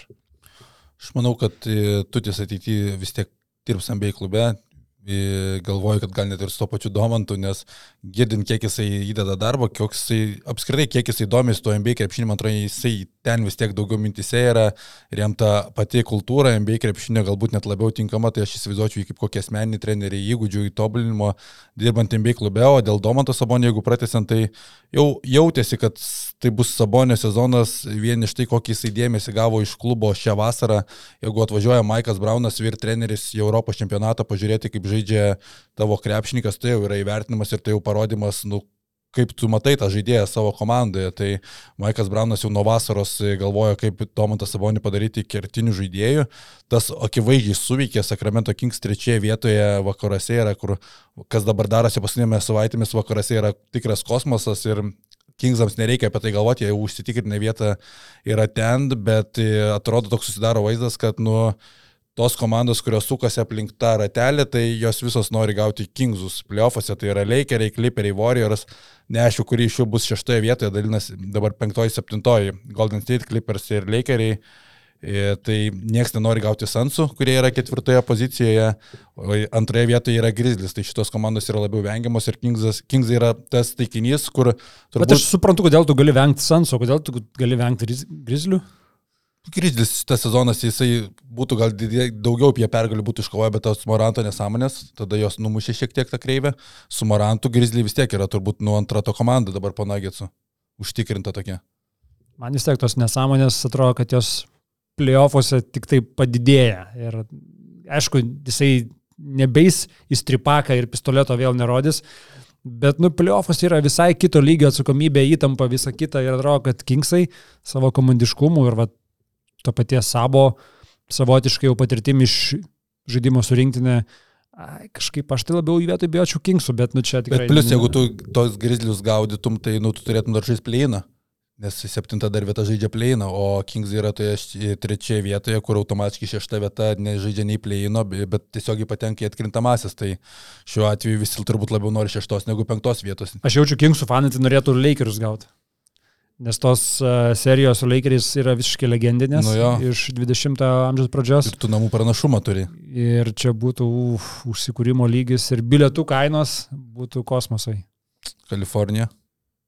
Bet kaip sakė, tautas sakė, duokit beleką. Ta prasme, duokit beleką, šitą komandą bus beleką. duokit beleką, jis advokatauja jau už Kingsus, duokit beleką, mes e, pasi, pasižiūrėsim, kaip dar bus, žinai. Dabar tas krepšinis MBA prasidėjęs yra, sakau, anksčiau negu atkrintamosios, nes vakaruose ten atrodo, kad Dončičius gali likti už net įkrintamųjų, kai atrodė Irvingas atvyko ir čia gali būti tas produktas gavęs, gaunasi visiškai nesigavęs ir į kitą pusę viskas eina septyni pralaimėjimai per pastarasis aštuonias rungtynės, bet NBA dabar įdomi ir ten jau, ten jau vyksta žaidimas. Plus dar vienas dalykas ir su Ignu teko pabendrauti apie Sabonį ir apie Kingsus. Tai jeigu prisimint, Virzdaikis buvo vienas iš tų žmonių, kuris vasarą labai skamiai pasakė apie Sabonį, kad jis yra vienas geriausias pasaulio krepšininkų. Ir šitą vėl priminė, sako, ar atsiminit, ką aš sakiau vasarą, kad Sabas yra vienas iš tų geriausių, sako, ir dabar, kad jis yra penketukė. Tai tiesiog tai yra to patvirtinimas, sako. Tai nėra net ko abejoti Domantą Sabonį ir taip. Ir pamatysim, kaip dar bus. Ir Lietuvoje sandėreitų. Na, Pridedam šitą. šitą pridedam. ir- Labai, labai gražiai ir Čima Monekė apie jį ką tik pasisakė. Tai va čia Donce- Monėkė buvo vienas iš tų žmonių, ką Sabonis ir pakcentavo kaip komandos draugą. Jo, jo, jis čia praeitą savaitę, kur buvo su Monaku, aš dalyvavo tam podcast'e su Donce ir e, kitų Donce, su dviem Doncem, Urbanu ir Motejūnu. Tai jisai ir pats sakė, jo, kad žaidimas su Sabu tai yra kažkas tokio. Jo, jo, jo. Ir šiaip dar tautytas atėjo, kai įsiminė, kad sako, mūsų šeimoje dabar trys komandos sekamos. Ar žinot, kokias tas trys komandas? Pabaigai čia galima. Žalgeris, Kings Ir? ir Ir net ne kažio? Kažė? Kažio? Iš Lietuvos lygos. Mm, tai Guščio komanda. Taip, Neptūnas. irgi ant tos, bangos, ant tos bangos, ant tos geros emocijos irgi tautytas tai papasakojo, sako, kad mes trys komandos dabar yra šį sezoną, kurias žiūrim, tai Kings, e, Žalgeris ir Neptūnas. Okay. Šiaip e, maniakų šeima, visiškai krepšinė maniakų šeima. Ja. Arvidas ateina į Dublių žalgerio pasižiūrėti su legendinė prangėlė, užsimaskavęs, kad niekas nepastebėtų. Maks, jo, kepurė, vien kamufliažas, Kamufliažas, kaip- akiniukai. Kaip į medžioklę. Taip, ir jo, realiai tu galėtum po grajaus tiesiai ant keturačio ir Jo, jo. medžioklę. Bet Jo. Ramūnas negalėtų tik tai su kostiumu. Nu, Ramūnas jo. jo Kažkas, kažkas Facebook'e buvo baudos aikštelė, gal buvo tikrai gerą memą įkelę, kad e, tai kaip tu įsivaizduoji, kad būsi po 50 versus taip, kaip tu realiai būni po 50. Apsirengęs, kaip rengsis. Jo, jo, jo. Tas geras. Tai va, ką, dar turim? Nu, ir dar šią savaitę mes turėjom, tiksliau, praeitą savaitę savaitgalį turėjom pranešimą, kad Kinanas Evansas prisijungė prie Lietuvos rinktinės. Ai, Parašykit komentaruose, kas patikėjo šito bairiu. Uh, nes turbūt tie, kas anksčiau pakilo, šeštadienį gal čia buvo klaida per anksti išleisti naujieną, nes kažkaip uh, ne visi spėjo patikėti. Ja, aš nežinau, mano toks spėjimas būtų, bet komentaruose sakau, pakomentuokit, ar kažkas prisigavot su naujiena, kad... Bet gal kaip tik gerai ryte. Jo, tu atsikeli, pagauni ir- Jeigu anksti atsikeli iš karto Instagram atsiverti, opa. ir prikeli žmogų, žinai, kad tu kelkis anksčiau, žinai, nu, tai tavo protas turi veikti kur kas anksčiau. Nes pas mus, pas mus buvo, kas prisigavo. Dainius rašė komentaruose. Jo, ne, kad tai buvo ir Čiapas šitą. per transliaciją sakė, kad Džerisas Mylimsas grįžta į Lietuvos rytą, atleido Lietuvos ryto, vad- na, ne Lietuvos ryto, ryto vadovai atleido už viską ir vėl komandas, komandas tikomi darbiauti. Bet toks jukelis į Žalgerio ir Lietuvos rinktinės, viskas man patiko, bet aš... Lietuva įeina į tą tokį liberalesnę pusę, aš įsivaizduoju, prieš 10-15 metų, tai čia toks jukelis net nebūtų iš viso leidžiamas Lietuvoje, kaip žiūrima į tą naturalizacijos procesą. Bet manau, kad žmonės pažino greitai, nu, kame yra reikalas ir kad čia birželio pirma, bet ta juoka... Balandžio juok- Ir juoka priėmė kaip, nu, kaip tą, tą, tą dalyką, o ne, ne piktai kažkaip, kad čia mes įsileidžiam kažkokį užsienietį ir taip toliau. La pakankamai gerai. Tai gerai, gerai, sakau, jeigu sakau, prieš 15 metų tokį padarytum, dar Jo, nežinau, jo, dar reakcijos. Nu, gal ir jo, jo, jo. Bet, bet ir tuo pačiu, žinai, Žalgerio toks irgi Drasus išpildymas, nu, vat, e, ir tie marškinėliai pagaminti, ir video, ir... Ir ką, matosi, man šiaip tai, aš laiką tokias situacijas įvertinu, kaip suvaidina žmonės. Evansas pakankamai gerai tikrai pasirodė, o Kazis matas vis tiek to šiepo nenulaiko, jam reikia rimtai kalbėti, ar anglų kalba reikia rimtai kalbėti. Uh, nu ir tokia ta šypsena nenulaikė, o tas uh, Evansas pakankamai tvarkingai ir ta išdėstė, kad... Nu, Kaip už garastą sureagavo? Joh, Nu. nu. Aš... Garasas Garasas turėjo, ta prasme, tikrai šokiruoti, tai kol atsiversta kalendorių. Jį tai tikrai čia pažadino.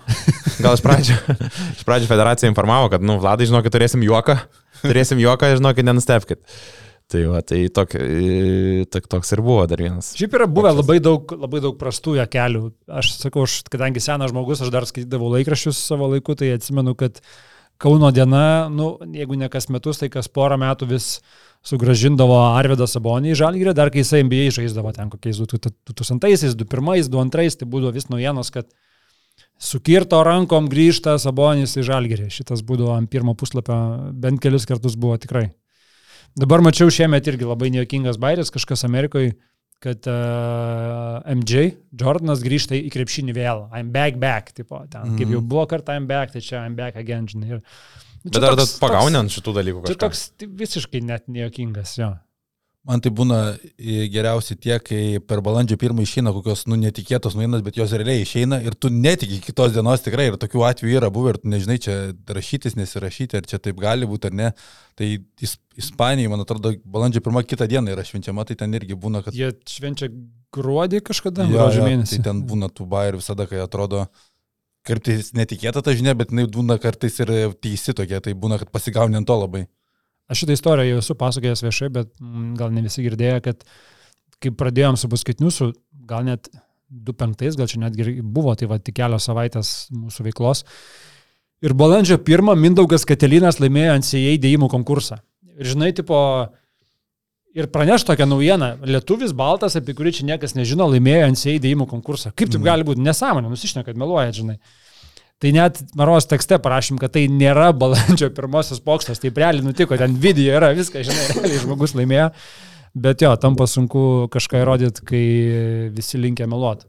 Tai va, kai čia, pažiūrėjau, balandžio pirmą Rusija pradėjo Junktinių tautų saugumo tarybai vadovauti. Tai čia, nu, tai atrodo, nu, e, ta prasme. kaip pokštas, bet e, paskui praeina diena, dvi ir supranti, kad ne pokštas. Jo, jo, šitas tai buvo labai stipru. Šiaip prabėgau per kelias, e, kelias istorijas balandžio pirmosios, tikrai aukšto lygio ir gero bairio įgyvendinimai, kur aš suprantu, balandžio pirmą tai turėtų tokie ir būti, ne apie kažkokį tai primityvų pokštą, bet nu kur tu jau tikrai pasistengi ir pagalvoji ir, ir iškirti gerą išdaigą. Tai vienas iš legendinių yra kokie 28 metai, man reikia, kažkas panašiai, kai Markas Cubanas, žinomas Maveriksų savininkas, karštakošis, kur emocingai Buvęs, kan, buvęs kandidatas į prezidentus. Buvęs jo. Jisai, atsiprašau, e, gubernija. Kyla, Kyla. bunda. Uh, jisai pasamdė fake teisėją, kuris rungtynių metu per taimautą išėjo ant parketo Mavericks rungtynių. Ta prasme, realiai vyksta rungtynės, tai yra taimautas. Ir tas teisėjas išeina ir tada tai buvo suderinta, kad Cubanas prie to teisėjo pribėga ir pradeda ant jo rėkti aikšteliai. Pastumė teisėją, teisėjas pastumė atgal ir jie pradeda ten grumtis, kur žmonės, kurie nesekė visos situacijos ir nematė, kad tas teisėjas atėjo čia ką tik sėdėjo tarp žiūrovų ir net numerio pasien nugarą, nu- nugaros nėra, bet čia yra detalės, kurias pastebi paskui po kurio laiko. Tai žodžiu, tie, kurie neužfiksavo visko, visi žiūri, kas čia vyksta, realiai Cubanas mušasi su teisėju, nes nu jis pagarsėjęs buvo kaip tokia asmenybė. Tai net video yra tuometinis Mavericksų asistentas Del Harris, kur dirbo su Kinijos rinktinė. Mm. Net ir tu žiūri, kas čia vyksta, kaip čia. Liam geras. geras, tikrai. O čia tikrai geras balandžio pirmos pokštas, jo, kur turėjai pagalvoti.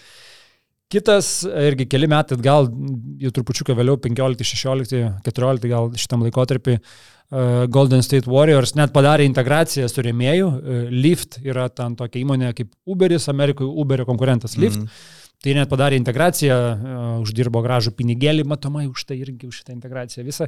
Jie suvaidino, kad Festus Ezeli, Izili, nežinau kaip dar jis tą pavardėjo, kad jis yra atleistas iš komandos. Mhm. Bet irgi kokio lygio yra įgyvendinimas, kad Ezelį įlipa į tą liftą, kad liftas jį pavežtų į, į, į, į areną iš namų ir važiuojant automobiliu, per žinias, neva, praneša, kad mūsų šaltiniai skelbia, kad Golden State Warriors atsisako Festus Ezelį paslaugų. Ir ten jis visą laiką yra filmuojamas, jisai išgirsta šitą istoriją. O komandžiokai buvo sutarę, kad jie pradės iš karto rašyti SMS, o seniai gaila, žinai, nesmagu, kad taip nutiko, bet sėkmės, čia, čia mes linkim tau toliau, nefainai. Ir, ir tą veidą jo rodas tokį. Tu prasme, bičias akivaizdžiai, nu, ne, nėra, kad ten keiktųsi, žinai, ar kažkaip. Nebuvo įtrauktas visą Bet žiauriai tokia nemalonė situacija. Pasiparino čia gerai, tu sugalvoji. Jo, jo, tai tokia akimirka, kelios akimirkos, kur paskui atbėga Andrei Igodala su balionais ir ten jis sako, "O, čia bairis ir visa kita, ir jie, ir jie smagiai pažvengia. Bet pats pats geriausias iš to, ką peržiūrėjau turbūt, nes čia buvo iš viso melas ant melo ant melo, uh, 2-9 ir 2-8 metai. Uh, Orlando Magic tą dieną praneša, kad jie išmainė Dwightą Howardą, nu, bet čia toks gana bukas bairis. Vakarė rungtynės ir jie uh, pakviečia iš tribūnų faną ir uždengia jam akis, dabar tu mesi iš vidurio. Ir to pačiu žiūrovom yra pranešta, kad apsimeskim, kad jisai pataiko ir Ai, taip, belia kaip lo. jo. Tai šitas jau paskui jis tapo tokiu, žinai, dažnu triuku. Nu ir jisai tas žmogus meta, aišku, jis nepataiko, žmonės, o aš. Tada dar jisai, jisai pradeda kalbėti, ai, ten tipo laimėjai 100 tūkstančių dolerių.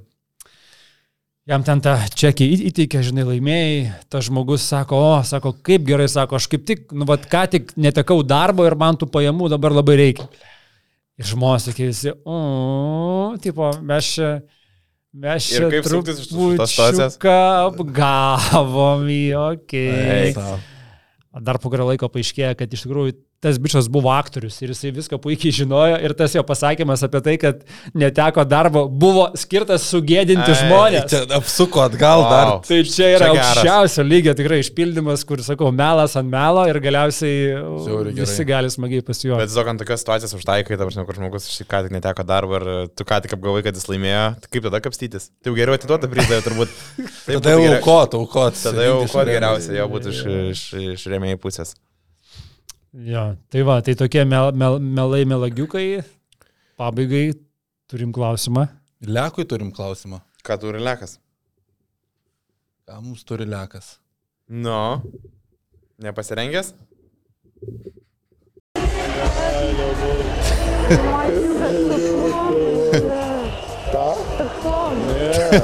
Tai blogai.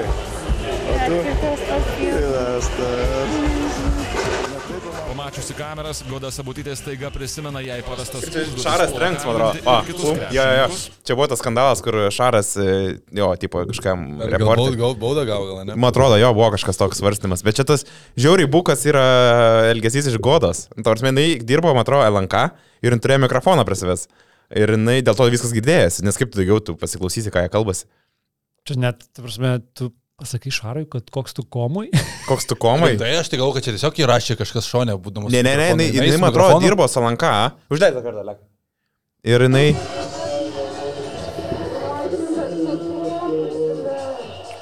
Nes kaip daugiau tai rašysi, čia man... Kaip- kaip Jinai dirbo, dirbo, dirbo.